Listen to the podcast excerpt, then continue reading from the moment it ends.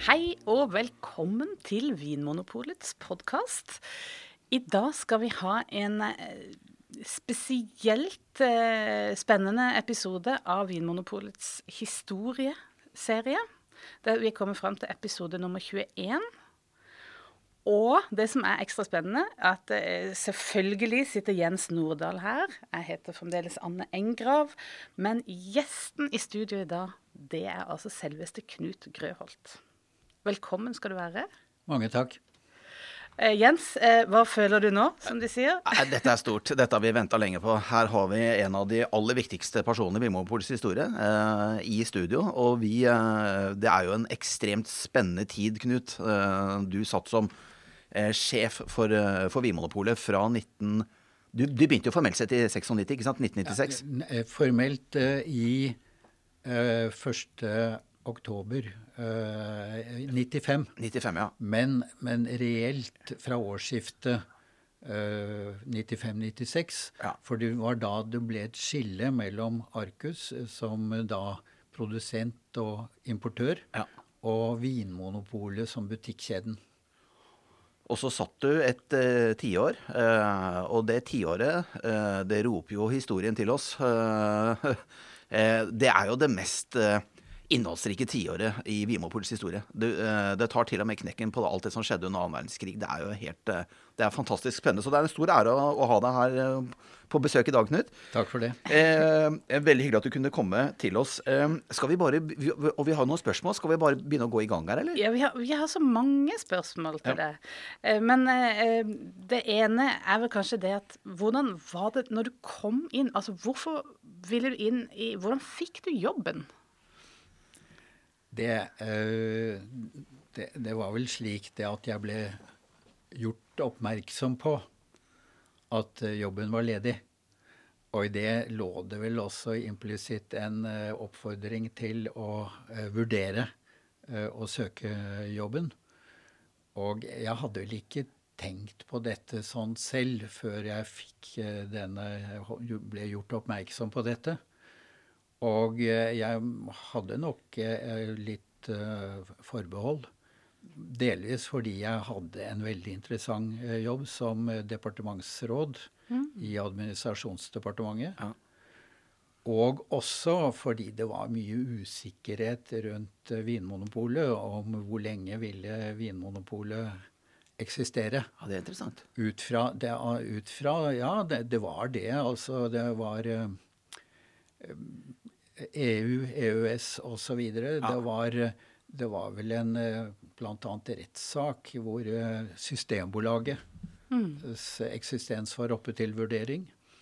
Og det var jo forhandlinger eh, i forbindelse med EØS-avtalen om Vinmonopolet, og det førte til det kompromisset at man skilte ut da import- og produksjonsdelen, Arcus, fra eh, butikkjeden Vinmonopolet, men fikk da på en måte lov til eh, å fortsette med butikkjeden Vinmonopolet.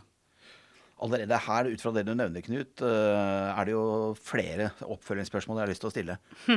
Går det an å, å pirke litt borti hvem, hvem var det som på en måte oppfordret deg på vennlig maner til å søke jobben? Eller, eller, eller er det liksom er, det altså, politisk hold, eller var det, var det Nei, det var, det, var, det var fra La oss si at det var fra embetsverket i Sosialdepartementet. Ja. Som hadde da Det departementet hadde ansvar for Vinmonopolet. ja.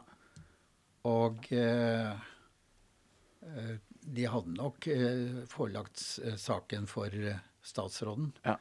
Ja, for, for det, det fortalte du på gangen her i stad. Sånn som det er nå, er det jo at det, det er styret som ansetter administrerende direktør i Vinmonopolet. Men, men det var det ikke da du ble ansatt. Nei, det, det, det, vanlige er jo at det er styret som tilsetter eh, administrerende direktør. Men eh, Vinmonopolloven den gangen eh, sa at eh, tilsetting er eh, av kongen i statsråd. Det, det var innebakt i, i loven. Eh, men etter forslag, da, eller innstilling fra sosialministeren. Akkurat. Så hadde du hatt en lang eh, og, og vellykket karriere i byråkratiet eh, da de begynte i Vinmonopolet. Du hadde også en spennende bakgrunn også utdannelsesmessig. Du var, hvis ikke jeg husker feil, både statsviter og økonom. Delvis har du rett i det. Jeg var siviløkonom utdannet utdannet i St. Gallen i Sveits. Ja. Og senere så tok jeg en ph.d. i sosiologi Ja. i Austin, Texas. Ja, ikke sant. Så, Så så du, du hadde jo du hadde både politikk, økonomi, altså uh, litt mer sånn human resource. Du, hadde, du hadde en spennende bakgrunn. Men det er jo ikke akkurat vinområdet, da. Nei, det var det ikke. Eh, Slik at eh, jeg var nok før eh, jeg søkte denne stillingen, så var, la oss si at jeg var litt over middels interessert i vin. Jeg bodde den gang i Lørenskog, men hadde funnet fram til en veldig spennende eh, eh, ekspeditør i Vinmonopolet på Økeren. Eh, Så jeg, jeg handlet hos han. Jeg gikk dit og, og handlet hos han, og han traff jeg senere. Han ble senere ekspeditør i Vika og er regnet for å ha vært en av de mest kunnskapsrike ekspeditørene i Vinmonopolet. Kult. Det er kult. Du hadde funnet han, eh, du fant han på Økeren. Ja. Ja. Du, altså, eh, allerede nå så har du på en måte beskrevet en slags ambivalens i forhold til det. For du, du, det, det, altså, man kunne jo tro at dette skulle være drømmejobben. At det skulle, altså, med all den suksess Vinmonopolet fikk i din regjeringstid, så kunne man liksom tenke seg at dette skulle være drømmejobben. Men du beskriver jo her en ambivalens før du begynner eh, som sjef, toppsjef, i en av landets mest eh, tunge merkevarebedrifter, for å si det sånn. Eh, det kan du si, men det var vel delvis fordi jeg trivdes veldig godt i den jobben eh, jeg hadde. Ja. Eh, hvorfor skulle jeg slutte der? Ja. Og det var vel to ting. Det e- ene var at jeg tror det er sunt med at man ikke sitter for lenge i en jobb. ja. Og det andre var at jeg kanskje som siviløkonom hadde lyst til å, å, å bevise at det var mulig for en ja, toppleder i et departement også å håndtere oppgaven i en næringsvirksomhet. Eh, Så, så jeg, hadde lyst til på en måte å bevise det overfor meg selv og overfor la oss si gamle studievenner. At, at, eh, at jeg var ikke låst til byråk byråkratrollen. Og, men jeg var usikker på dette, og så drøftet jeg dette nokså inngående med en tidligere kollega, nær venn, Tormod Hermansen.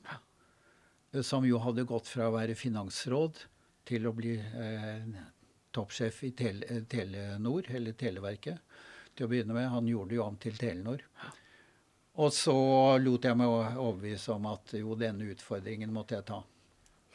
Så var det også en litt sånn Siviløkonomen i det klødde litt i fingrene etter det å, å eh, herje med et monopol. Gaffel slå Ja, kloa i et monopol. ja, ja, det- det- du er nok inne på noe, selv om jeg ikke hadde noe ønske om å herje.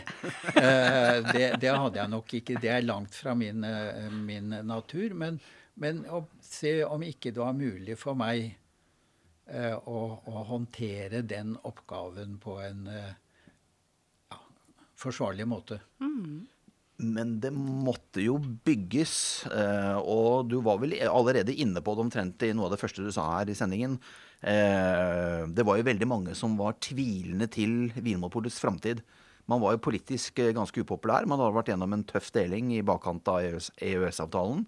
Det var jo mange som trodde at polet kunne ryke også under forhandlingene knyttet til EØS. Eh, og det var jo veldig mange politikere, men også veldig mange i Vimopols ledelse. Jeg begynte jo i selskapet i 98, som da fra 98 og flere påfølgende år sa de at eh, høyst sannsynlig så vil polet ryke pga. liberaliseringsprosessen i samfunnet.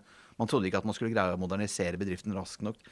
Du startet jo da på tampen av 95, og jeg tenker altså du må, du må altså eh, eh, Tenkte du at det var en reell eh, sjanse for at polet skulle skulle ryke, og, eh, og kunne nettopp også det være en sånn trigger for å ta jobben? Altså at her hadde du jammen et lerret å fylle, og, og man måtte gjøre noe, og det var litt sånn Det var bare å tråkke på gassen, på, på et vis? Jeg vil nok si det at jeg var usikker på Ja. hvor lenge Vinmonopolet ville vare.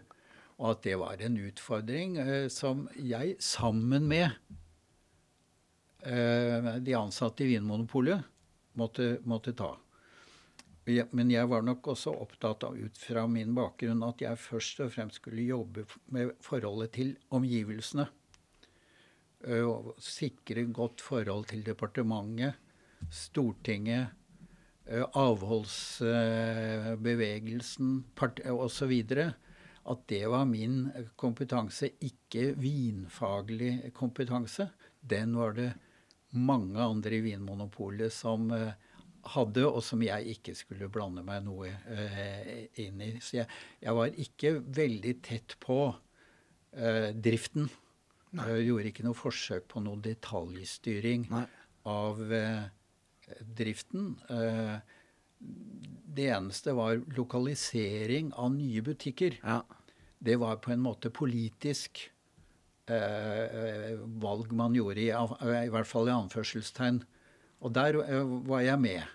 Men, men ikke, eh, ikke, ikke, ellers så mye. Nei. Og det var der dere to, Jens og Knut, ja. eh, samarbeida en del. Eh, ikke sant? Det, det er deres forhold eh, kommer jo fra da, disse butikklokaliseringene. Blant annet. Eh, jeg ble ansatt som rådgiver i ADR Stab, så jeg jobbet med alkoholforskning og litt sånn skriverier for Knut, mm. og, og, litt butikkanalyser og den type ting. Ja. Så vi hadde, vi hadde, et godt samarbeid da, ja. på, fra 98 og, og fram til 2005. Mm. Og jeg, jeg, håper du så det sånn òg. Ja, absolutt. Men for å gi et eksempel eller noen har spurt hvorfor valgte dere uh, Briskeby som spesialpol. Mm -hmm. Og det, det, vet jeg eh, egentlig ikke, fordi det, det, det, hadde ikke jeg noe med. Det var det salgsavdelingen eh, som vurderte og, og, og bestemte, så, så, det var jeg ikke inne i bildet. Ja, for nå har du allerede hoppa inn i de grepa du gjorde som, som AD. Skal vi ta det fra eh. Eh, begynnelsen, eller? Ja. For du kom inn, du er nå ansatt. Eh, det er litt turbulens. Det virker som du har en god rolleforståelse av, av hvem du er, og hva, hvilke forhold og relasjoner du skal ivareta. Eh, og så setter du i gang med en plan som vi har egentlig gått eh, ganske Vi snakka en del om i tidligere episoder. Hvordan var det du begynte med det? Visste du med en gang? Hvordan jobba du med den planen? Det, det, måtte nok modnes. Jeg visste jo hva, sånn noenlunde hva utfordringene var. Og det var på én måte eh, da å, liksom å forholde seg til da EØS-avtalen. Jeg hadde et møte med han som da var president i denne ESA, eh, EFTAs domstol. Ja. Uh, hvor han bl.a. sa det at det at dere har tenkt å utvide antall butikker, da undergraver dere eh, begrunnelsen for uh, Vinmonopolet. For det er jo bl.a. å begrense tilgangen til produktene. Uh, mitt svar var det at vel, om vi har utvidet fra den gangen hadde vi 110 butikker, til 200, 300 eller 400 butikker, det er marginalt i forhold til om du får vin i dagligvarehandelen. For eh, den gangen var det ca. 4500 eh, dagligvarebutikker. Så det lot meg Jeg, liksom, jeg, jeg avfeide det, så jeg var ikke så opptatt av det. Eh, men jeg var opptatt av at bl.a. Fremskrittspartiet hadde jo programfestet at de ville ha både vin og brennevin ut i dagligvarehandelen. Og Høyre ville ha vin, ikke brennevin, men vin ut i dagligvarehandelen. Men de skjønte nok ikke det at Vinmonopolet er et vinmonopol. Det er vin som er hovedproduktet. Og hvis eh, Vinmonopolet mistet det produktet, så ville eh, de miste også eh, ja, eksistensgrunnlaget. Mm. Så å jobbe med det Men der, der igjen så, så, skjønte jeg det at for, det, det nyttet ikke å nå fram politisk bare gjennom argumenter. Du måtte vinne kunden og opinionen. Og så, så, jobbet vi med å liksom hva, hva, må vi gjøre for å få kunden og opinionen på vår side? Eh, og eh, det, det, det har vi vel lyktes med nokså bra. Og jeg, var, jeg, jeg, startet ikke på scratch. Det var jobbet med dette på forhånd. Og jeg er også glad for å registrere at det er senere fulgt opp av de som har fulgt etter meg. Så i dag, Og det har jeg stor glede av å følge med på og se hvor godt Vinmonopolet gjør det i opinionsundersøkelser. Det, det, det gleder meg stort. For det begynte jo, disse førsteplassene de første kommer jo din, på tampen av din regjeringstid, for å si det sånn. Eh, I starten av din regjeringstid så lå vi jo på sånn 35.-plass og 45.-plass og gått, gått ned på listene, for å si det sånn. Så denne, denne, kongstanken med å vinne kundene og vinne kundenes gunst, det er jo det som er eh, Det er det, er det som viste seg eh, i ettertid å være gullet her. Uh, og Anne sa her i sted um, uh, altså det, det, det, ble jo veldig tidlig da, i din tid som administrerende direktør lagt en strategisk plan.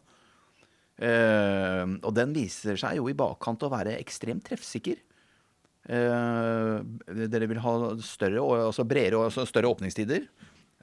og det får dere ganske raskt da, med en endring på lørdager. Det var vel i 97, hvor åpningstiden gikk fra 13 til 15 to timer ekstra. Og så følger du jo da i rask rekkefølge nye butikker, selvbetjening, reduserte avgifter, bl.a. på brennevin osv. Eh, I hvor stor grad følte dere, eller følte du deg, eller ledergruppen eller styret seg sikker på at dette var den medisinen som skulle til? Der tror jeg at Og det du sier, det at det var ikke jeg alene som, som utviklet dette. Dette var de sammen med jeg vil si ledergruppen, men ikke minst også butikkpersonalet. At de var viktige eh, i, i, dette. Og, og, vi hadde styret eh, med oss. Eh, stort sett var, var, så hadde vi backing fra, fra styret. Og så, så, vi hadde nokså stor tro på at dette var riktig. Eksempelvis det viktigste tror jeg var selvbetjening. Ja. Fordi Eh, det ville være på en måte fremstå som en gammel, anakronistisk institusjon, Vinmonopolet, om vi ikke fikk til eh, det. Så visste jeg det fra erfaringer i, i Sverige, at det ville sannsynligvis øke omsetningen noe. Men det var ikke det som var formålet eller ønsket gjennom selvbetjening å øke omsetningen. Men ønsket og motivasjonen det var at eh, vi trodde at det er nødvendig for å bevare vinmonopolordningen. Mm. Og først og fremst med tanke på det samfunnsoppdraget som Vinmonopolet har, og som jeg identifiserte meg med den gangen, og kanskje i enda større grad i dag mm. eh, enn en den gangen jeg søkte stillingen, selv om jeg tenkte en del på det. Men også fordi jeg mener at kundene våre er tjent med ordningen. Mm. Uh, ja, så, så, så, dette jobbet vi da gradvis med, og, og, og beveget oss gradvis framover.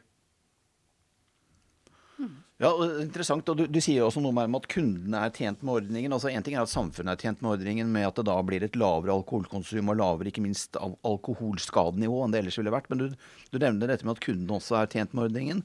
Tenker du kanskje da på varebredd og prisnivå og sånne ting, da? eller? Ja, eh, altså ikke, ikke prisnivå, uh, tror jeg, fordi det er uh, det som nesten er avgjørende, det er alkoholavgiften, som, som Vinmonopolet ikke det er ikke Vinmonopolets spor, så vi kan ikke gjøre så veldig mye med, med det. Men uh, kvaliteten ja. på produktene, bredden uh, i produktene, men kanskje først og fremst kompetansen og servicen uh, fra de ansatte ja. er, er, viktig. Og det, det opplever jeg. Når, når vi Vinmonopolet, jeg sier vi, men jeg mener Vinmonopolet, Jeg gjør, eh, gjør det så bra i opinionsundersøkelser, så er jo det et uttrykk for at våre kunder er fornøyde og gradvis innser at de faktisk er som kunder er tjent med ordningen. Mm. Mm. Jeg, jeg, opplever nesten som at Vinmonopolet nå har nesten skifta fra å være den der eh, begrensninga til å være den faghandelen. Så det at uh, unge kunder nå tenker egentlig ikke på at Vinmonopolet eksisterer for å begrense salget av alkohol, men at det er der fordi det er spesialkompetanse. Og den vridninga der, den begynte med det. Det kan du si, og det, det er viktig. Men vi må ikke glemme holdt på å si samfunnsansvaret. Nei. Eh, at uh, verken oss imellom eller overfor omgivelsene. Og der, hva, hva, hva, har man å spille på der? Det er først og fremst dette med alderskontroll. Eh, og, og, dernest også at man ikke skal pushe salget. Altså hvis du går og handler en bukse, uh, så spør de skal du ikke ha skjorte og, og, og jakke og slips og, og undertøy osv det uh, mener jeg at jeg sa at vi skal ikke uh, drive sånn, med ett unntak. Hvis formidlingen av kompetanse eller fagkunnskap fører til at kundene får lyst til å prøve noen nye produkter, så må det være lov. Men vi skal ikke sånn systematisk si 'skal du ikke ha noe mer i dag'?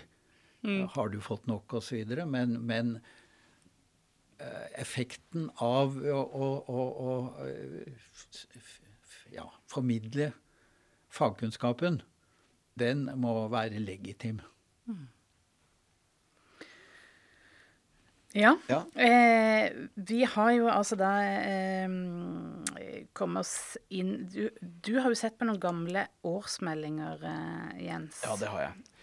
Og jeg syns det er veldig interessant uh, å lese uh, gamle årsmeldinger, altså tekster som du skrev, uh, men også gamle numre apropos, altså vår interne bedriftsavis. for det på en måte, det oser jo nærmest ut fra disse sidene det, det, at en veldig sånn sterk forståelse at vi levde jo i en brytningstid. og der jeg vel opplevde en form for sånn defaitisme eller nederlagsstemning i starten. det var mange som sa at vi, vi, eh, polet er nok avviklet om fem år, fordi at vi greier ikke å holde tritt med den generelle liberaliseringstendensen og prosessen i samfunnet. Antagelig så ryker polet som følge av eh, av, av at, politikerne vil det. Men etter hvert, når jeg leser da, disse tekstene fra år, rundt år 2000-2002 det er en ekstrem bevissthet om at vi befinner oss i en alkoholpolitisk eh, brytningstid. Og at vi kanskje greier å snu eh, snu skuta og berge polet. For det var, det var, jo det det handlet om, kan, kan, vi lese oss til nå i ettertid. Eh, når du tenker tilbake på årene rundt år 2000, når du, når du virkelig hadde begynt å få liksom, eh, når, når lokomotivet hadde begynt å få dampen opp, tenkte du også at, Begynte du etter hvert å føle deg litt sånn sikker på seier? Altså at, man skulle, at, man skulle, at du skulle vinne kong, kongeriket og, eh, og, og, og, og måte stå løpet altså at, og, berge polet, da? Eller, eller, tenkte du ikke så på en måte eksplisitt på akkurat det? Uh, det er jo ikke, ikke, i, ikke i de ordene du bruker, men, men, men, noe av det samme. For det første kan jeg bekrefte at ved årsskiftet 95-96 så delte man Vinmonopolet og da det som skulle hete Arcus. Og der merket jeg jeg var ny, men veldig mange av de som var ansatt i det gamle Vinmonopolet, ønsket å gå over til Arcus. Ja. Uh, slik at uh, det, det, det, var liksom Arcus kunne så å si plukke de de, de de, ville ha. Fordi man trodde at dette, det, det, er fremtiden. Ah. Det er ikke Vinmonopolet. Men så, sånn etter hvert eh, jeg, Man skal aldri være sikker på, på, på, på utviklingen, men jeg syns det var For det første ble jeg mindre engstelig for EU-EØS-tiltak. Ja. Eh, jeg har tro på at eh, det, det, det, bør vi ikke tenke så veldig mye på. Det gledet meg også at Høyre da i sitt program, partiprogram, strøk dette med vin øh, i dagligvarehandelen. Ja. Det er mulig at det er kommet inn igjen, det er jeg ikke helt sikker på, men i hvert fall var det men, Og det var vel kanskje etter min, kanskje etter min tid at, at det ble tatt ut av, av, programmet. Men ellers merker jeg også når jeg snakker med mennesker, at flere og flere sier at de, er, de innser betydningen av Vinmonopolet, kanskje først og fremst ut fra et kundeperspektiv, men kanskje også en del ut fra et mer sånn helse-sosialpolitisk eh, perspektiv. Og det tror jeg du har rett i. Uh, du, du, nevnte også dette med at veldig mange gikk fra, uh, fra det gamle Vinmonopolet til Arcus og ikke ble, valgte, valgte Vinmonopolet. Altså, det gjaldt jo også din forgjenger, da, Kjell Frøyseli. Han, han, var direktør ja. i Vinmonopolet under delingen, men han, han, gikk, til, uh, han gikk til Arcus. Ja. Han kan kanskje også ha gjort seg tanker om at det var framtiden, da? Det tror jeg nok han tok med seg. de aller fleste av Eh, av direktørsjiktet gikk til Arcus. Den jeg klarte å beholde, ja. det var eh, da eh, Lars Sogn som juridisk eh, direktør. Ja. Men han jeg måtte, jeg måtte bruke nokså sterke trusler for, å, for å, å, å, beholde han. Og han var jo toneangivende helt fram til han gikk av med pensjon bare for noen år siden. Noen år siden. Eh, det da å måtte starte med en helt ny ledergruppe, eh, er det på en måte en velsignelse eller en forbannelse, vil du si? Jeg eh, opplevde det som litt eh, problematisk fordi eh, en av de gamle direktørene, da han var vel økonomidirektør, han hadde på en måte før jeg kom inn, tilsatt de fleste i, i, de nye uh, stillingene. Eh, jeg mener jo at det, var, det, det var, skulle være mitt privilegium å gjøre det. Men han, han, sa det sånn at han ville gjerne gjøre det så enkelt som mulig. For meg vil så å si ha, ha, ha gjort klart uh, dette. Jeg var uenig i det, men, ja. men uh, ble delvis, ikke helt, men delvis bundet, eh, bundet av de disposisjonene som de hadde gjort rett før jeg kom inn. Ja, Det var litt spesielt. Det var litt spesielt, ja. men dere jobbet godt i, sammen i bakkant, eller?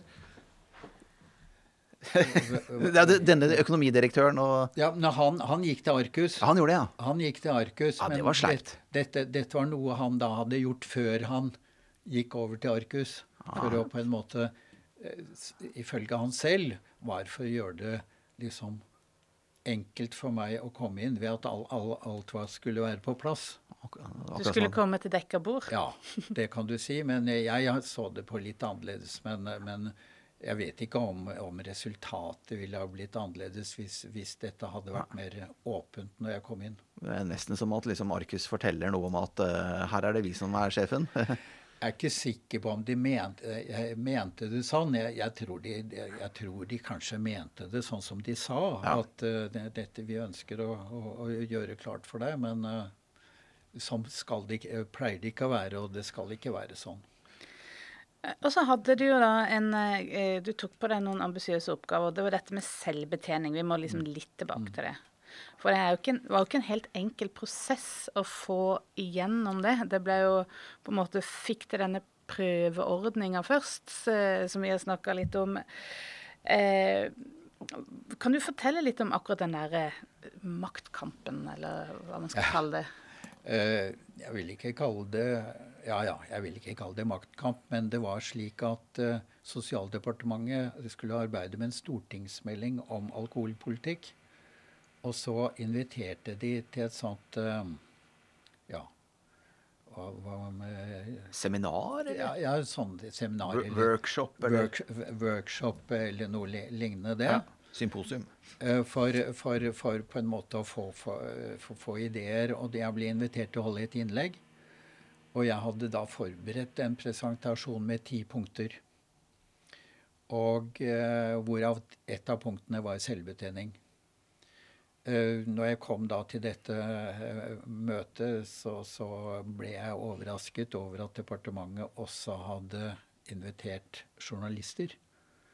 Eh, som var litt uvanlig. Men det hadde de nå gjort, bl.a. Geir Salvesen. Mm. Men jeg presenterte mine ti punkter. Og så, så Geir Salvesen gikk da i pausen opp til statsråden og spurte hva hun syntes om dette. Og hun sa det at nei, hun syntes ikke noe om det. Og så skrev jo da Geir Salvesen i, i avisen uh, om dette. Og så ble dette fanget opp av noen i sosialkomiteen i Stortinget, uh, som var, var, på en måte mente at vi måtte få lov til å ha en prøveordning med selvbetjening. Og så å si påla uh, statsråden eller departementet da gi oss anledning til, til det. For, for, Var det da posisjonspolitikere eller opposisjonspolitikere fra komiteen som fanget opp dette? Det var uh, opposisjonspolitikere. Ja. Så der fikk du på en måte, da ble det på en måte en interessant politisk konstellasjon, da, hvor, hvor opposisjonen nærmest dikterte posisjon, eller? Ja, du kan kanskje si sånn Jeg, jeg vil ikke dramatisere det så, så mye. det liker men, vi godt å høre her, skjønner du. Dere er jo journalister. ja, det er det vi er. Ja. Uh, nei, men så, så fikk vi da klarsignal for det. Og um, uh, så eh, satte vi i gang Eller satte vi i gang prøve, Eller før det så hadde jeg et møte med statsråden hvor hun sa det at ålreit, dere skal få lov til å prøve selvbetjening på vin, men ikke på brennevin. og så sa jeg det er så eh, på en måte logistisk eh, vanskelig, og også i forhold til publikum, ja. at det, det, tror jeg ikke vil være noe, noe godt. Eh, om hun sa det fordi hun mente det, eller om det kanskje var for å erte meg. Eh, jeg ville ikke utelukke det siste. Eh, men i hvert fall så satte vi i gang eh, da eh, for forsøk, og, og, og, relativt sånn etter et vitenskapelig design. Ja. Og det var Kleppa, da. ikke sant? Magnhild Meltveit Kleppa. Ja. Eh, men hun, hun, aksepterte selvbetjening. altså hun, For det var, det var jo ikke en idé som hun hadde kommet opp med selv. Nei, men hun, hun, aksepterte det at vi fikk sette i gang ja. forsøksordning. Ja. Men den ble ikke avviklet før etter et regjeringsskifte. Ja. Men tenkte du, da dere fikk i gang forsøksordninga, tenkte du yes, der har vi det? Ja, det trodde jeg. For jeg sa også til eh, de i Stortinget som, eh, som eh, syntes at vi burde få anledning til forsøk, at for oss er det ikke nødvendig med forsøksordning. Men hvis det er politisk nødvendig uh, å gjøre det på den måten, så er vi med på det. Ja. Mm -hmm. Var det dette som var det store veiskjellet for polet, tror du? To be or not to be? Altså, det er vel van altså, for, at, for, at, stemningen Det, det snur jo her. Og, og, igjen så føler man kanskje ikke det når man står midt oppi det. Det er først når man får det på historisk avstand at man kan se det klart og tydelig. For det, pipa fikk jo en annen lyd etter selvbetjening. Det var jo ingen som etter selvbetjening snakket om å legge ned Vinmonopolet igjen. Det var, det var game changer. Jeg tror det var det. I hvert fall så ville vi ha følt Hvis vi ikke hadde gått over til selvbetjening, ja. Så tror jeg vi hadde fått merke det. Mm. Så, så jeg, jeg, tror det var på en måte helt nødvendig. Ja, jeg tror også det. For, for, fordi, fordi liksom kundene ville ikke ha, ha godtatt det. Men innen fag, eh, de fagorganiserte i Vinmonopolet var det en del som var skepsis, skeptiske til, eh, til dette. Men ja. Eh, vi, etter drøftinger så, så, så, så, ble det ikke eksplisitt motstand mot det. Og de begrunnet vel denne skepsisen med både en angst for økt alkoholkonsum eh, i befolkningen, men også at det skulle bli mer utrygt på jobb for at man skulle komme tettere på kunden. At man ikke hadde dis mm. disken til å beskytte seg med lenger. Mm. Mm. Har jeg lest meg til. Ja. Eh, det kan jo også ha vært noen vikarierende motiver, men altså, ja. det var i hvert fall de to tingene man sa utad. Ja. Hm. Så ja. Men altså var det Så, så det, det, var et lerret å bleke her, og det var en reise, det var en vei å gå. Det, det var ikke en prosess og en beslutning som tok eh, noen måneder. Det, det, var noen år. Eh, det var noen år. Absolutt. Ja. Det, var noen år. Men der eh, Eh, eh, det startet ved at vi la fram et dokument for styret. Ja. Hvor vi hadde selvbetjening som et av punktene. Så det var ikke på en måte helt på egen hånd at uh, jeg gikk videre med det. Det var også et styrevedtak på at vi ønsket uh, dette. Vi har jo tidligere omtalt deg som en lur rev, og vi legger jo, vi legger jo, vi legger jo bare positive konnotasjoner i altså, Reven er jo mitt favoritter, så det, det skal du virkelig vite, Knut. Men altså, um, brukte du noen gang styr... Du, Kjenner jeg deg rett? Jeg kan vel forestille meg at du var flink til å på en måte bruke styret til din fordel noen ganger? Altså at du var flink til å, eller du var flink til å alliere deg med styret, sånn at dere kunne ha felles front og felles sak? Ja, men det, det, det, tror jeg på en måte er, skal være det normale. Det er ikke noe spesielt eller, eller lurt ved det. Eller det er klokt. men reven er klok. Ja. Kanskje han er en ugle. det er klokt, og det, og det, er formelt riktig at man, at man uh, legger saker fram for, eh, for, styret for å høre deres vurdering. Og det beste er at man da får tilslutning ja. fra styret, som jeg stort sett opplevde. Jeg la også stor vekt på å ha god kontakt med departementet. Ja. Selv om Og det var ikke bare eh, statsråden, men også noe, sentrale personer i embetsverket i Sosialdepartementet som var skept, skeptiske til selvbetjening. ja. Men, eh, men Eh, for øvrig tror jeg at vi hadde en eh, godt forhold til departementet. Og, og, det var ikke slik at Jeg tror ikke de opplevde det som et nederlag. Uh, fordi de så kanskje at etter hvert at, at, dette var viktig. Og statsråd uh, Magnhild Meltveit Kleppa, har som jeg har truffet ja. senere, ja. Har sagt sånn indirekte at hun har lært mye siden den gangen. Ja. Uh, om, om, hun da mente at hun har lært at uh, det var nødvendig med selvbetjening, det, ja. det, det, spurte jeg ikke om, men jeg tolket det slik. Jeg tror Det kan nok hende. Men uh, derfor, altså, det, er, det, er interessant. Også. Men nei, styret har sikkert aktivisert deg, men du har jo sikkert også aktivisert styret? Ja, og det mener jeg er, er en det, det dobbeltspillet. Altså, det er der vi har reven, vet du. Styret kan gi eh, daglig leder oppdrag, ja. bestillinger. Ja. Men omvendt eh, så kan eh, daglig leder legge fram saker, eh, og da fortrinnsvis med forslag til konklusjon. Ja. Begrunnet, eh, begrunnet for, for styret. Altså, og jeg opplevde at eh, jeg hadde et uh, godt forhold til styret, selv om, selv om det, det, var jo en del utskiftninger i styret. Og uh, et, ikke når jeg begynte, men senere kom det inn en representant for uh, Frp. Mm. Og jeg tenkte at dette kan bli vanskelig. Men, men det, det, det gikk greit, det. Eh, ja. ja, for det, du prøvde jo også å få å ta over taxfree-salget eh, på flyplassene. Hva, hva, var begrunnelsen for det? Derfor, eh, det, altså, det jeg sa eh, til eh, daværende statsråd, og det var Var det Høybråten, eller? Ja. Det var Dagfinn Høybråten ja, ja. som var sosialminister. Ja at min personlige vurdering ja. er at taxfree er uh, noe tull. alle, alle i polet mener det. ja. men, hvis, eh, men, hvis, dere uh, Og da er det bedre å ha en butikk på Gardermoen enn at de skal handle med seg det i København f.eks. og ha det på flyet. Men jeg mener at Vinmonopolet kan drifte den butikken vel så godt eller like godt som en privat aktør. Og eh, at vi kan levere det samme overskuddet til Avinor, eventuelt staten, som en privat aktør gjør. Mm. Kanskje mer fordi den private aktøren eh, beholder en god del av overskuddet selv. Det er noen hundre millioner som går eh, i, i private lommer, ja. Absolutt. Hvert år.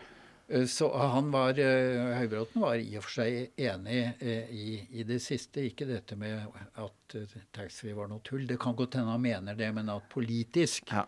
ikke var så lett å gjøre noe med det. Men jeg vet at han tok det opp enten direkte med finansministeren eller eventuelt i regjeringen, ja. men ikke fikk tilslutning til det. Var det Foss da som var Det var Per Christian Foss som var finansminister da, og ja. som ville det at dette skulle legges ut som et an, en anbudssak eh, for, for private. Ja. Og det var slik det, det ble. Og, og da var det jo noen private som fikk det oppdrag. Den gangen var det SAS, SAS Inflight, Ja. som hadde det, men deres avtale gikk ut. Nettopp. Og så ble det lagt ut da, og så kom da et nytt selskap inn. inn. Ja, og det, og det er interessant, for dette, det, dette trekker også opp noen sånne overordnede kall skillelinjer i norsk alkoholpolitikk. Hvis man tar det store historiske bildet. Det er, eh, det er, er veldig ofte Arbeiderpartiet som har ført en restriktiv politikk som eh, har vært en, en forkjemper for vi- Vinmonopolordningen, mens høyresiden har mer vært opptatt av eh, deregulering og mer liberale løsninger. Og det er jo ideologisk eh, begrunnet, altså, rett og slett. Så her har man forskjellig syn på saken, og dette har partiene hatt i, i 100-150 år. Så det det er interessant hvordan enkelte da gamle sk- skillelinjer lever i, i beste velgående fortsatt, for å si det sånn. Så nå er det litt statsviteren altså meg selv som, som snakker her. Men ehm, jo, det var noe her eh, Hvilket år var det du tok opp dette her med Høybråten? Kan det ha vært i 2003-2004? da, noe sånt? Noe? Altså, for det, det var jo egentlig før taxfree-en hadde begynt å bli en, en utfordring for Vinmonopolet. Det var jo taxfree-salg selvfølgelig da, men det, det, taxfree-en vokste jo veldig etter 2010, vil jeg si. Ja. Vi har jo berømma deg for at du har vært litt eh, før ut, Du har vært tidlig ute med mange store saker som eh, har vist seg å bli sentrale seinere. Høybråten var eh, sosialminister fra 2004 til Ja, okay. 2005, så det må ha vært eh, den gangen. Ja. Ok. Nei, og, og altså, jeg men, var ikke ute etter at Vinmonopolet skulle tjene på eventuelt å forvalte taxfree-butikken, men at vi kunne gjøre det på en, en eh, like god måte. Jeg tror i og for seg at eh, de som driver den, også gjør den på en god måte. Men, eh, men de, har, de har et betydelig overskudd eh, som vi kunne ha forvaltet eh, til eh, beste for eh, enten Vinmonopolet eller våre eiere, eh, eller eh, eventuelt Avinor. Det, er- jo Avinor som får en god del av overskuddet av den virksomheten. Ja. Og så er det jo en fare for at det kan uthule ordninger. Det er jo en, en stor vinbutikk på norsk jord som er i private hender. Det har du også rett i. Det er et uh, poeng. Eh, Men dette var jo da på en måte noe av det, noe av det du da kalte ikke lykkes med. Men du, eh, det var jo på en måte ikke eh, re- refrenget. Eh, Det, det, det meste av det du foretok deg, eh, det meste av det du hadde på, eh, på dagsordenen av, av større prosjekter, det var jo ting som gikk som det skulle. Eh, utvidet åpningstid, som vi har snakket om. Eh, selvbetjening, helt avgjørende for kanskje å berge Vinmonopolet. Flere butikker, ikke sant. Dette var jo ting som kom på plass veldig tidlig i din regjeringstid, for å bruke det begrepet. Men også da eh, satsing på kall det et stadig bredere vareutvalg, men også da kompetansebygging internt i, i bedriften. Altså at vi skulle levere service, gode kundeopplevelser. Det var ting du også var veldig opptatt av. Absolutt. Og det siste med kompetanse og service opplever jeg som en av grunnstenene for, i Vinmonopolordningen. Ja. Og der, og men det, altså, det, det, det, Jeg var med på det, men det er ikke min fortjeneste. Det er eh, de ansatte eh, og, og ute i butikkene osv. som er ivrige på, på dette. Eh, Men jeg er veldig stolt av, av, av både de, de tiltakene vi gjorde, Ja. og resultatene. Ja. Eh, annet dette med kompetansestigen, den interne kompetansestigen som kanskje fortsatt eksisterer. Mm. Ja. Nå kaller vi det Polakademiet. Polakademiet, som jo eh, Ja, som, som, som veldig mange tar. Og også det det at de ansatte i, i butikken ofte prøvesmaket eh, nye produkter før, før det kom eh, nye utslipp, nei, slipp. Ja. Eh, er fascinerende, syns jeg. Og eh, jeg var med på noen sånne ute i butikken, eh, og hvordan de på en måte også skrev de, som var til stede, for det var jo frivillig. Ja. Eh, ikke alle hadde anledning til å være til stede, men de som var til stede, skrev referater, slik at de som ikke hadde vært til stede, kunne lese Ja. hva kollegaene hadde smakt, og hvor, vi- deres vurderinger. Ja, det er en fin kultur å bygge det, altså. Ja da, og det er der, det er der verdiskapningen skjer. Altså i, uh, i den enkelte butikk, i ja. møte med den enkelte kunde. Vi har altså så mye flotte folk landet rundt. Så det er, uh, det er, det er et enormt arbeid som er lagt ned der over tiår, for å si det sånn. Mm. Og jeg tror også det er jeg er enig med deg, Knut, jeg tror også det er uh, det helt nødvendige suksesskriteriet. Jeg tror det er grunnen til at vi er øverst på veldig mange bedriftsskåringer den dag i dag. Det er jo det kundene, de kundene møter. Og Stadig vekk så opplever jeg møte mennesker som sier at de er så fornøyd med den veiledningen og den servicen de får i butikkene. Hmm. Mye av det moderne Vinmonopolet, altså my, my, veldig mye av den bedriften Vinmonopolet er i dag, ble jo på en måte støpt eller ble bygget. Reisverket ble bygget. ikke sant? Eh, bygningen ble reist eh, i dine ti år som administrerende direktør, da fram til 2005. Eh, et par andre ting som kom sånn, litt sånn senere i din kalde regjeringstid, var dette med eh, både nettbutikk og spesialpol. Men skal vi si litt om altså, Sånn sett så var jo Vinmonopolet ganske tidlig ute med en nettbutikk.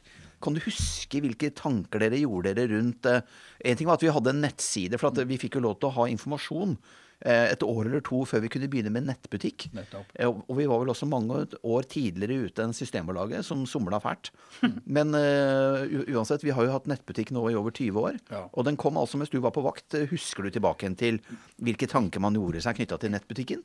Ikke detaljer, fordi det, det var mye salgsavdelingen ja. som sto bak uh, dette. Ja. Og utviklet det. Så jeg, jeg, jeg jeg var positiv til det, men jeg var ikke tett på uh, initiativet til, uh, til, det. Nei. Hmm. Hva med spesialpol, da? Ja, spesialpol det ble lagt til Briskeby. Det var jo helt uh, Det var sikkert en del som Opptakten til det starta vel en del tidligere, men det ble vel åpna i 2005. Det stemmer. Slutten av det året der. Ja, jeg, jeg, var med den gangen. Eh, og eh, det, det, var vel noe med at liksom igjen Som monopol så har vi ansvar for alle sjikt av kunder. Også de som er, spesielt interessert i litt eh, eksklusive produkter. Og at vi var opptatt av å på en måte også kunne gi dem et tilbud. Mm. Og, hvor, og da, da, ut fra en analyse av ja, av kjøpemønster eller omsetning, så, så, pekte da Briskeby seg ut som et uh, sånt pol som det var naturlig å prøve dette i. Men det, det, der igjen var det først og fremst salgsavdelingen som sto for uh, dette, og som uh, valgte Briskeby som en, en, av de første butikkene for spesialmonopol spesialpol, eh, i tillegg til Valkendorfs gate i Bergen. Mm, ja, og Valken, litt sånn fun fact, Valkendorf er jo den uh, butikken vi har hatt lengst i samme lokale, 1934. Så alle som har lyst til å oppleve et uh, historisk klenodie uh, i, i, full prakt, dra til Valkendorfs gate i, i Bergen. Som sagt, altså, der har vi vært i snart 90 år, i de samme fysiske lokalene. Uh, uh, det er spennende. Uh, og, og, når det gjelder plasseringen på Briskeby, altså der har dere hatt den, eh, den flaksen som en god bedriftsledelse skal ha. For vi, vi har jo snakket om det. snakket om det. at det er trendenes, vintrendenes episenter i Norge er jo faktisk Briskeby. Så det var, det, det var godt jobba. Ja, men der, er det salgsavdelingen som skal ha æren for det. Vi har jo eh, Du snakker litt om samarbeid og at det er ulike krefter som drar eh, Og du sitter jo på en måte på toppen av denne haugen, da. og det er mange som drar i, i, i samme retning. Så det har kommet eh, liksom et spørsmål som har liksom bygd seg opp eh, ulike, gjennom ulike tider av Vinmonopolets historie, men også i din tid. Hvem Hvem er det egentlig som bestemmer over Vinmonopolet, vil du si? Ja, det, det er jo eh, sånn eh, eh, formelt så er det departementet mm. som, som, som, er Du kan si det at statsråden i Nå er det Helsedepartementet. Er på en måte generalforsamling. Er, Vinmonopolet er jo et aksjeselskap, men et, ikke etter aksjeloven, men etter en særlov. Og der er i den ja, normale aksjeselskap fins det en generalforsamling. Det fins ikke noe generalforsamling i vinmonopolloven. Det er statsråden som er generalforsamling. Og som på en måte har instruksjonsrett uten å innkalle til noe bestemt uh, generalforsamlingsmøte. Daglig så kan statsråden i Helsedepartementet gripe inn og gi instrukser. Det er, men det er om å gjøre på en måte Jeg, jeg opplevde bare én gang, tror jeg, i mine ti år å få en instruks fra departementet. Uh, fordi det, det, er om å gjøre på en måte å, å lytte og, og, og, og, få til et samspill som jeg tror vi fikk til uh, stort sett. Både var vi fornøyd med det, men jeg tror også departementet var fornøyd med det den gangen. Uh, I min tid så var det Sosialdepartementet som var Eller sosialministeren som var generalforsamling. Så det er, det er departementet. Men så har, har vi jo da vedtekter og, som, som, gir rammer for dette. Og, og, vi får vel også jeg tror i sin tid het det tildelingsbrev om det, om det med, med, visse krav og føringer. Mm. Uh, som vi kanskje i en viss grad var med på å, å drøfte på forhånd før, før, vi, før, vi, fikk det. Så jeg tror at uh, Vinmonopolet har relativt stor grad av frihet så lenge vi opererer innenfor rammene. Ja. Og så er det om å gjøre å bruke det handlingsrommet som ligger innenfor rammene. Ikke være liksom Tro at de rammene er trangere enn det de egentlig er. Mm, ja, det er interessant. For de, Dere må jo ha valgt å ta en aktiv rolle. Eh, altså det, det, var jo et vell av endringer, og vi har jo ramset dem opp her i sted. Det var jo et vell av endringer som skjedde i dette tiåret fra 95 til 2005.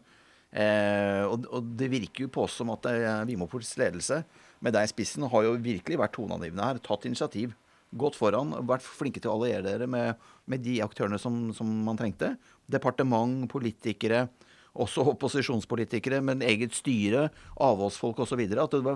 Og du nevnte jo også det innledningsvis i episoden at det var viktig for deg å ha gode relasjoner og god allianse med både departementet og, og Stortinget og avholdsfolka og, og, og, eh, og, disse aktørene. Så det, det, er eh, eh, vi, eh, vi vel, det, det, virker vel på som at dere, dere selv, også, og da tenker jeg på ledergruppen i Vinmonopolet, men med deg i spissen, dere valgte jo å ta en aktiv rolle her. Eh, det, det, det, det, er det historien forteller oss. Stemmer det? Ja, jeg vil si det. Og det, det, var ikke fordi vi var opptatt av at vi skulle generere størst mulig overskudd, som er vanlig uh, i, i, i, næringsvirksomhet. Men det var for å beholde Vinmonopolet, som vi hadde tro på å ha en ja. viktig funks samfunnsmessig funksjon, og som det beste for våre kunder. Ja. Så det var, det var det som drev oss. kan du si. Det er som å høre meg selv snakke den dag i dag. Så du, du, dere har jo hjernevasket oss effektivt. jeg, jeg, jeg, tenker fortsatt ordrett det du sier der, Knut. Det er veldig godt å høre kilden her. Uh, skal vi se Vi må, uh, vi må vel rett og slett litt videre i manus her, Anne. Har du oversikt? Uh, ja. ja. Jeg, jeg har lyst til at vi skal bare få et lite glimt inn på livet som direktør. Eh, du kom jo etter en eh, fargerik fyr, Einar Joyce, som hadde skapt mye liv og leven. Mm. Eh, og, og, du tok en litt annen rolle. vi har faktisk vært en liten runde på kontoret her i dag og, og sett på kunst sammen, som ja. var en del av din kunstsamling. Ja. Og da kunne du veldig treffsikkert peke ut dette er Joyce-malerier, og ja. dette er mine. og den samlinga den sier også litt om deres personligheter. Det er, du har en litt mer sånn sårbar og elegant uh, stil, da, hvis jeg kan komme med en subjektiv vurdering. Men det må også ha vist seg som livet som uh, direktør. Det var ikke karnevalsperioden uh, du sto for. Nettopp. Og det, jeg, vet, jeg opplevde jo ikke det, men jeg vet at uh, perioden til Einar Joyce er blitt delvis kalt karnevalsperioden. Ja. Nei, det, det, var nok um, flere ting. For det første så er nok uh, Einar og, og, jeg veldig ulike av personer. Mm.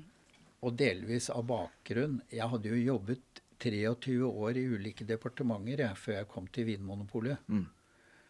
Og eh, det var nok noen eh, i Vinmonopolet eh, her i sin, eh, administrasjonen som var litt skeptiske. At ålreit, nå skal departementet, eier, sette inn en byråkrat til å styre oss. Det var ikke det de syntes var spennende. Jeg tror nok også at departementet, eier, ønsket en litt annen type ikke en karnevalstype eh, i den situasjonen eh, som var. Så det var vel derfor jeg fikk et hint om at eh, jobben eh, var ledig. Og, uh, historien kan vel også fortelle oss at Joyce gjorde mye, mye viktig han, uh, for, for Vinmonopolet. Og han, uh, han, var god på dette med å skape entusiasme og, og, og bygge legitimitet utad. Men den som endret strukturene, som produserte legitimiteten, det var jo du og din ledergruppe som eh, fulgte etter Joyce. Hadde du noe kontakt med han forresten? Altså, var det sånn at dere tok en, en kaffe og, og, pratet litt om politing, eller var han liksom, når han var ferdig her, så var han ferdig? Uh, ikke mye. Nei. Ikke mye, bl.a. fordi han, eh, han fikk vel, ble styreleder i en, en av leverandørbedriftene. Oh, ja. Men vi, en eller to ganger inviterte vi han til lunsj i Vinmonopolet. Ja.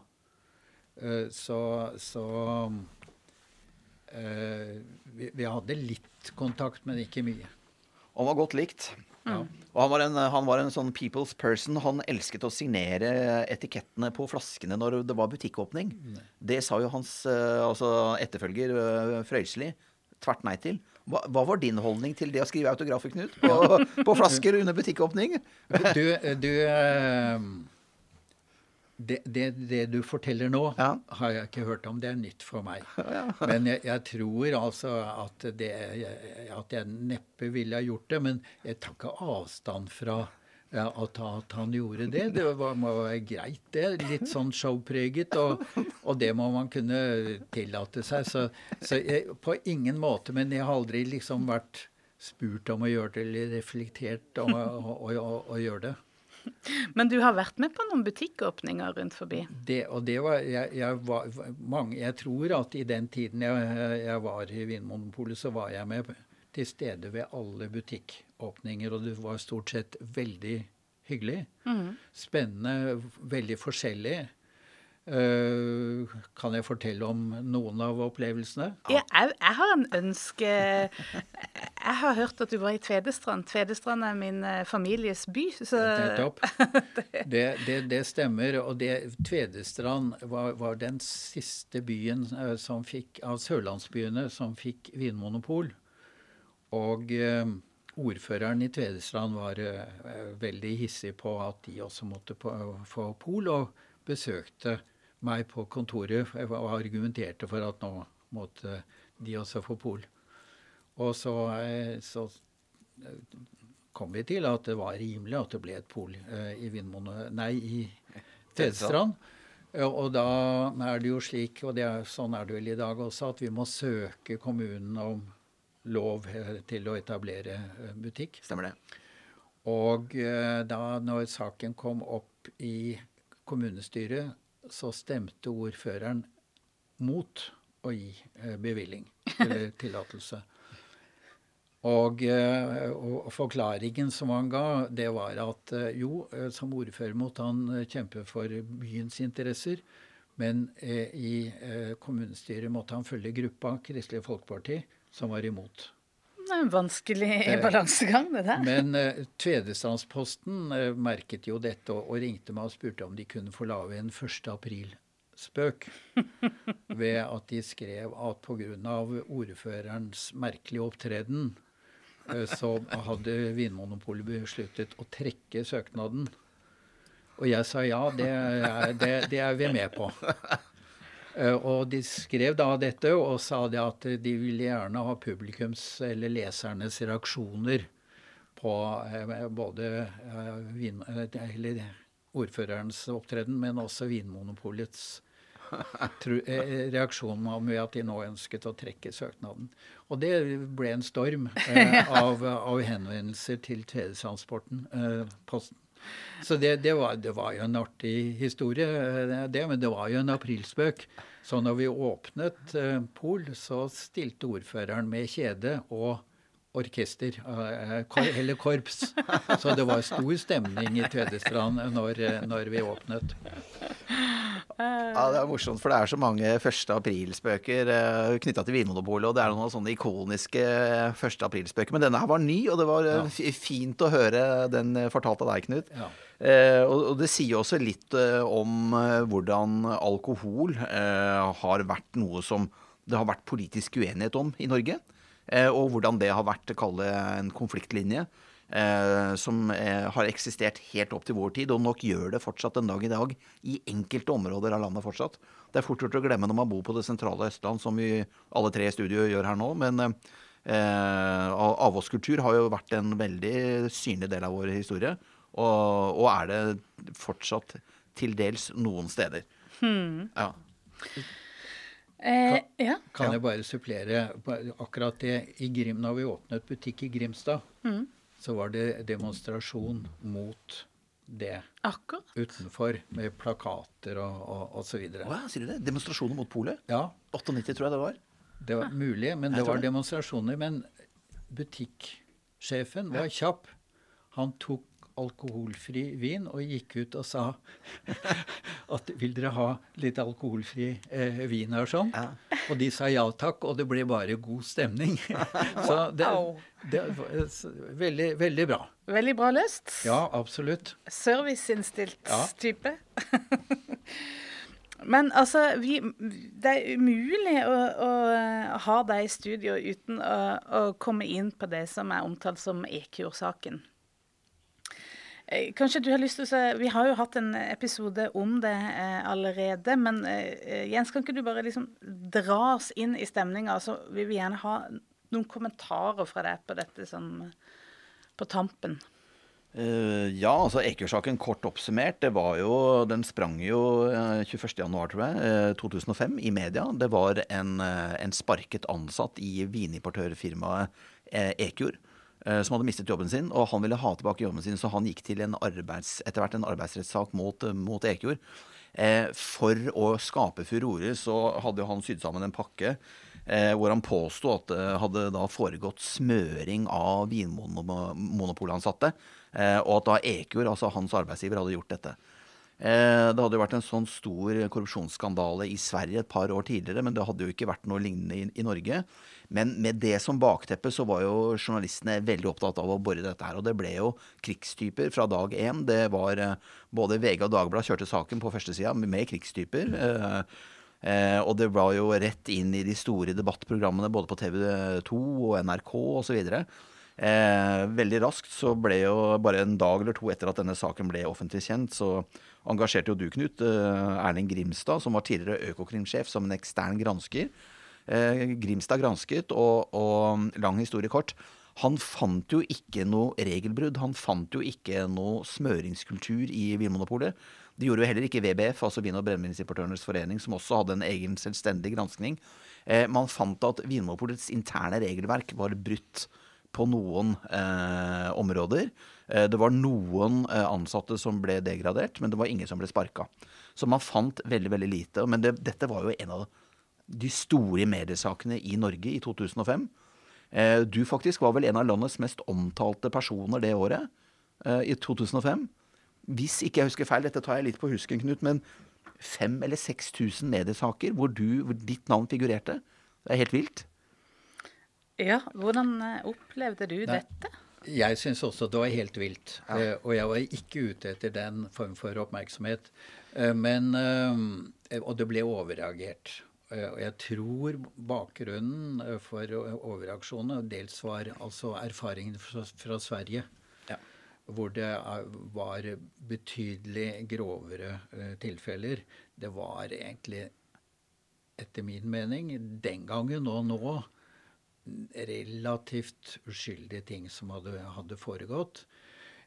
Noe av grunnen Det ene eh, var selvfølgelig at uh, erfaringen fra Sverige. Det andre var at vi var veldig opptatt og bevisst av å ikke på en måte favorisere enkelte av våre leverandører. Mm. Det, det, var liksom et av hovedprinsippene våre. Så, som et Igjen som et, det ansvaret vi hadde som, uh, som monopol. Uh, men at det nok ble overreagert på, på, på, dette.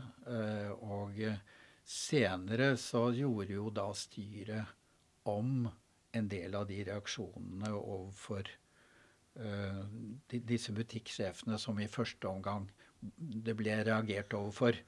Ik ikke slik at de trakk seg helt tilbake, men uh, liksom, reaksjonene ble dempet eller modifisert. Mm. Og så, det var det, Ja, igjen, det, det var uh, en overreaksjon. Ja. Og dette kommer jo da altså etter mange år med liksom eh, en fast sånn takt, fast marsj fremover, ja. og mange vellykka eh, på en måte tiltak som er blitt satt i gang, mye optimisme og positive følelser. Og så kommer alt dette, denne støyen. Ja. Det må jo ha vært en eh, litt sånn sjokkarta opplevelse. Ja, eh, jo, det, det, var, det, var, ikke Den gangen, og heller ikke ettertid. Det sitter nok igjen eh, litt eh, av meg fordi det var så uvant for meg å få den form for, la oss si, negativ oppmerksomhet. Både mot Vinmonopolet, men også mot meg. Mm. Så, så, det var Det var ikke det var ikke noe lykkelig. Og den kunne nok ha vært, også av meg, håndtert litt annerledes, selv om jeg følte at jeg ikke var noen hovedaktør uh, i uh, håndteringen av den saken. Det vi jo kan lese oss til når vi leser eh, saksgang, når vi leser pressemeldinger, når vi leser utspill fra de ulike aktørene, og da tenker, snakker jeg om eh, fagforeningene våre, jeg snakker om bedriften selv, om på en måte utspill fra politiske miljøer og fra, fra Datatilsynet, som etter hvert blir rota inn i dette her.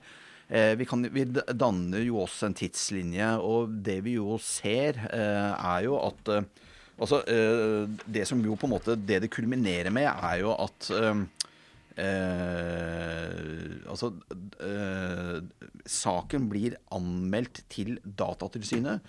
Eh, fordi eh, eh, daværende styreleder har jo iverksatt en gransking, altså på selvstendig initiativ. Han, det var verken forankret i styret eller med deg. Uh, dette var noe han gjorde på, helt på privat initiativ. Han uh, tok da initiativ til at noen ansattes e-poster skulle granskes, som han hadde eh, engasjert et eksternt firma som var eksperter på dette området. Og Det er, det er liksom det Equor-saken kulminerer med internt i Vinmonopolet, og det blir jo en veldig vond og vanskelig eh, ja, det, er kanskje feil å kalle det stillingskrig, men det, det blir en, hvert fall en Det blir indremedisinsk, så, så er det en ubalanse som ikke lar seg eh, håndtere på en god måte, dessverre. Det ender med at Harald Arnkvern fratrer uh, i oktober 2005. Mm. Og så velger du å gjøre det samme i desember 2005. Ja. Uh, for å uh, og, og, så, ja, det, det, var veldig trist at det endte sånn, og det var ufortjent. Det er min vurdering. Det er min subjektive vurdering av det. Kan, kan, du si litt om hvordan du tenkte da du, da du valgte å eh, fratre, som det heter, eh, i desember 2005? Ja, det holdt på å si jeg syns Det var mange som hevdet at uh, når styreleder gikk, så måtte også administrerende direktør gå. Det, det, det, var mange som hevdet det. Men det var ikke du som hadde gjort Nei, men allikevel så var det mange som hevdet det. Ja.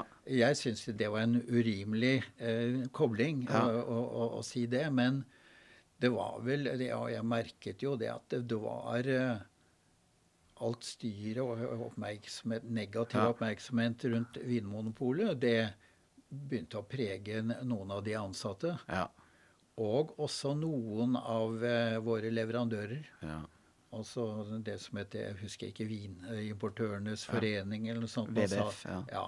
sa det at det, det, dette her nå, vi, støtter, vi støtter Vinmonopolet, altså generelt, men dette blir problematisk. Og da var, skjønte jeg det at uh, det var at uh, jeg skulle ikke på en måte kjempe videre selv om Nei. jeg mener at jeg hadde en god sak, så jeg kunne ha uh, på en måte insistert på å stå. Men jeg tror ikke det ville blitt noen god situasjon.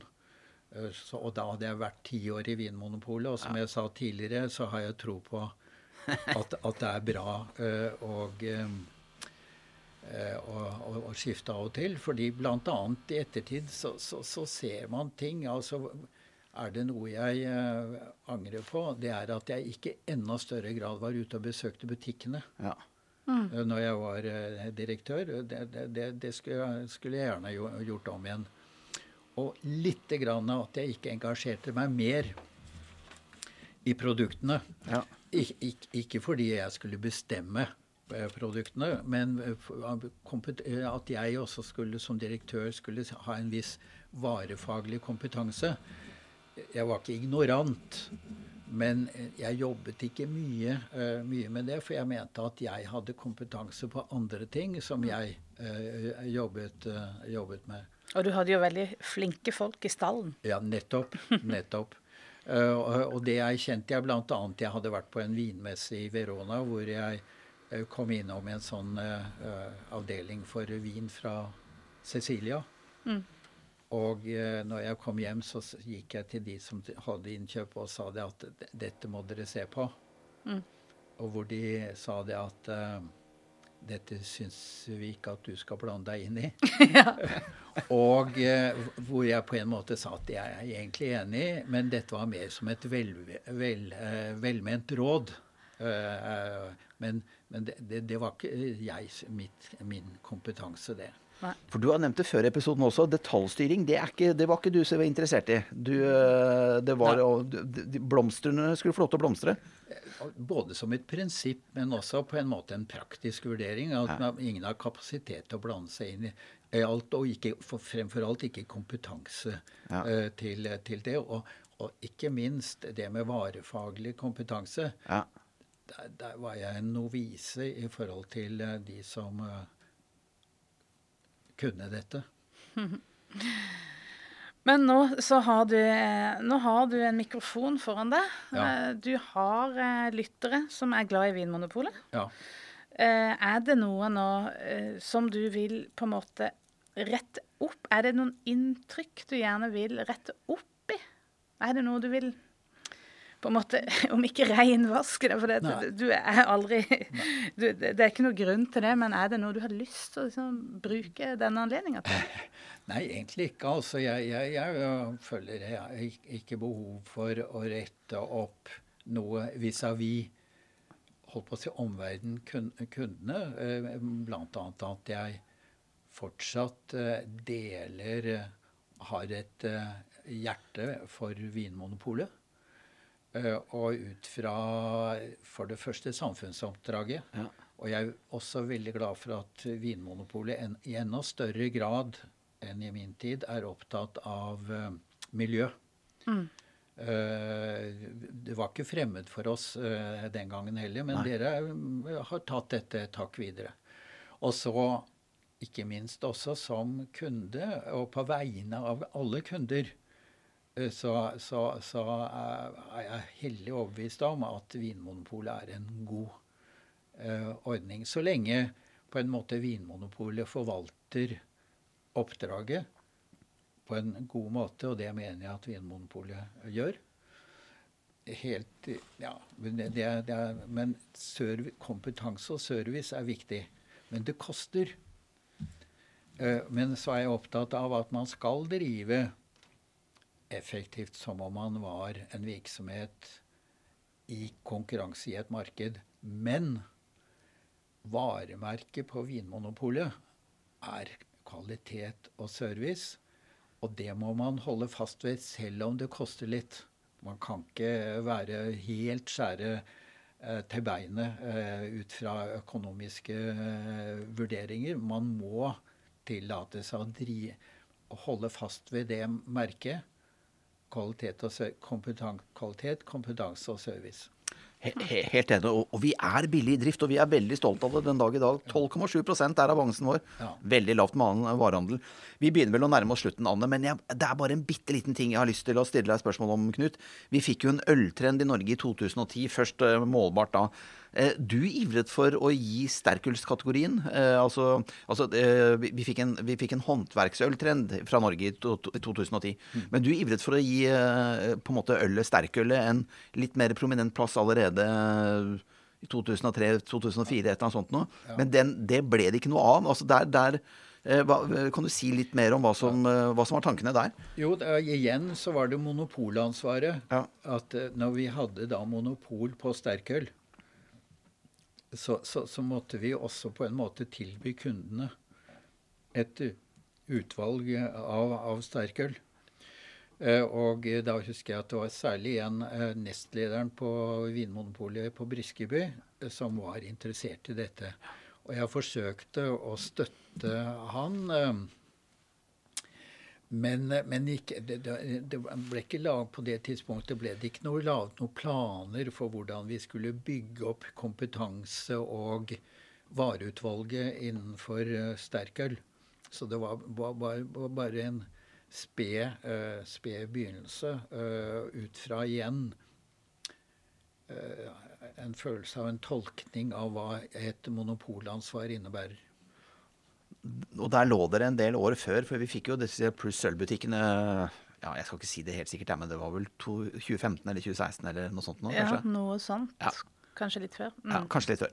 Uh, er det noe du brenner inne med? Altså, Vi begynner å nærme oss på tid her, og det har vært en stor mm. glede å ha deg i studio, Knut. Er det noe vi brenner inne med før vi eventuelt runder av her, Anne? Mm, eh, det er egentlig, Jeg kunne egentlig holdt på så lenge, det som ja. Men, men eh, nei, jeg har jo bare lyst til å takke deg for den Det vi ser gjennom historien. De på en måte endringene du har gjort, som jeg, jeg, tror, jeg tror, på. Jeg, jeg, tror vi liksom deler samme visjon om hva et vinmonopol skal være.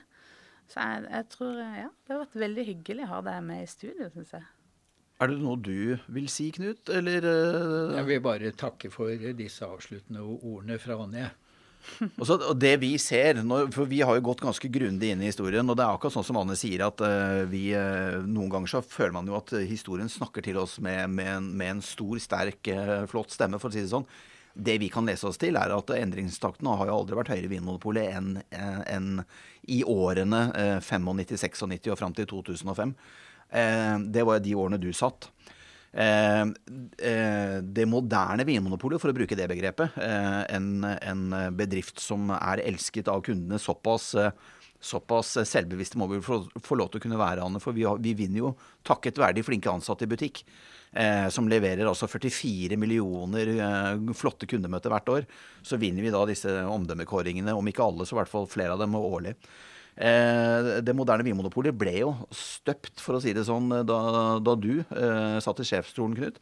Eh, vi har gått grundig gjennom historien, og vi, eh, vi, kommer ikke på noen eh, person vi tror har hatt en sterkere og mer positiv innflytelse på Vinmonopolet enn deg. Eh, og eh, vi er, som Anne sa, vi er ekstremt takknemlige for den jobben du har gjort for, for Vinmonopolet. Og jeg tror også det norske folk eh, vil si seg enig i at polet er en bedrift Eh, og på en måte kjempe litt for ekstra. Takk for at du hører på Vinmonopolets podkast. Har du forslag til et tema i podkasten? Send mail til podkast at vinmonopolet.no. I tillegg svarer kundesenteret deg på e-post, chat og telefon.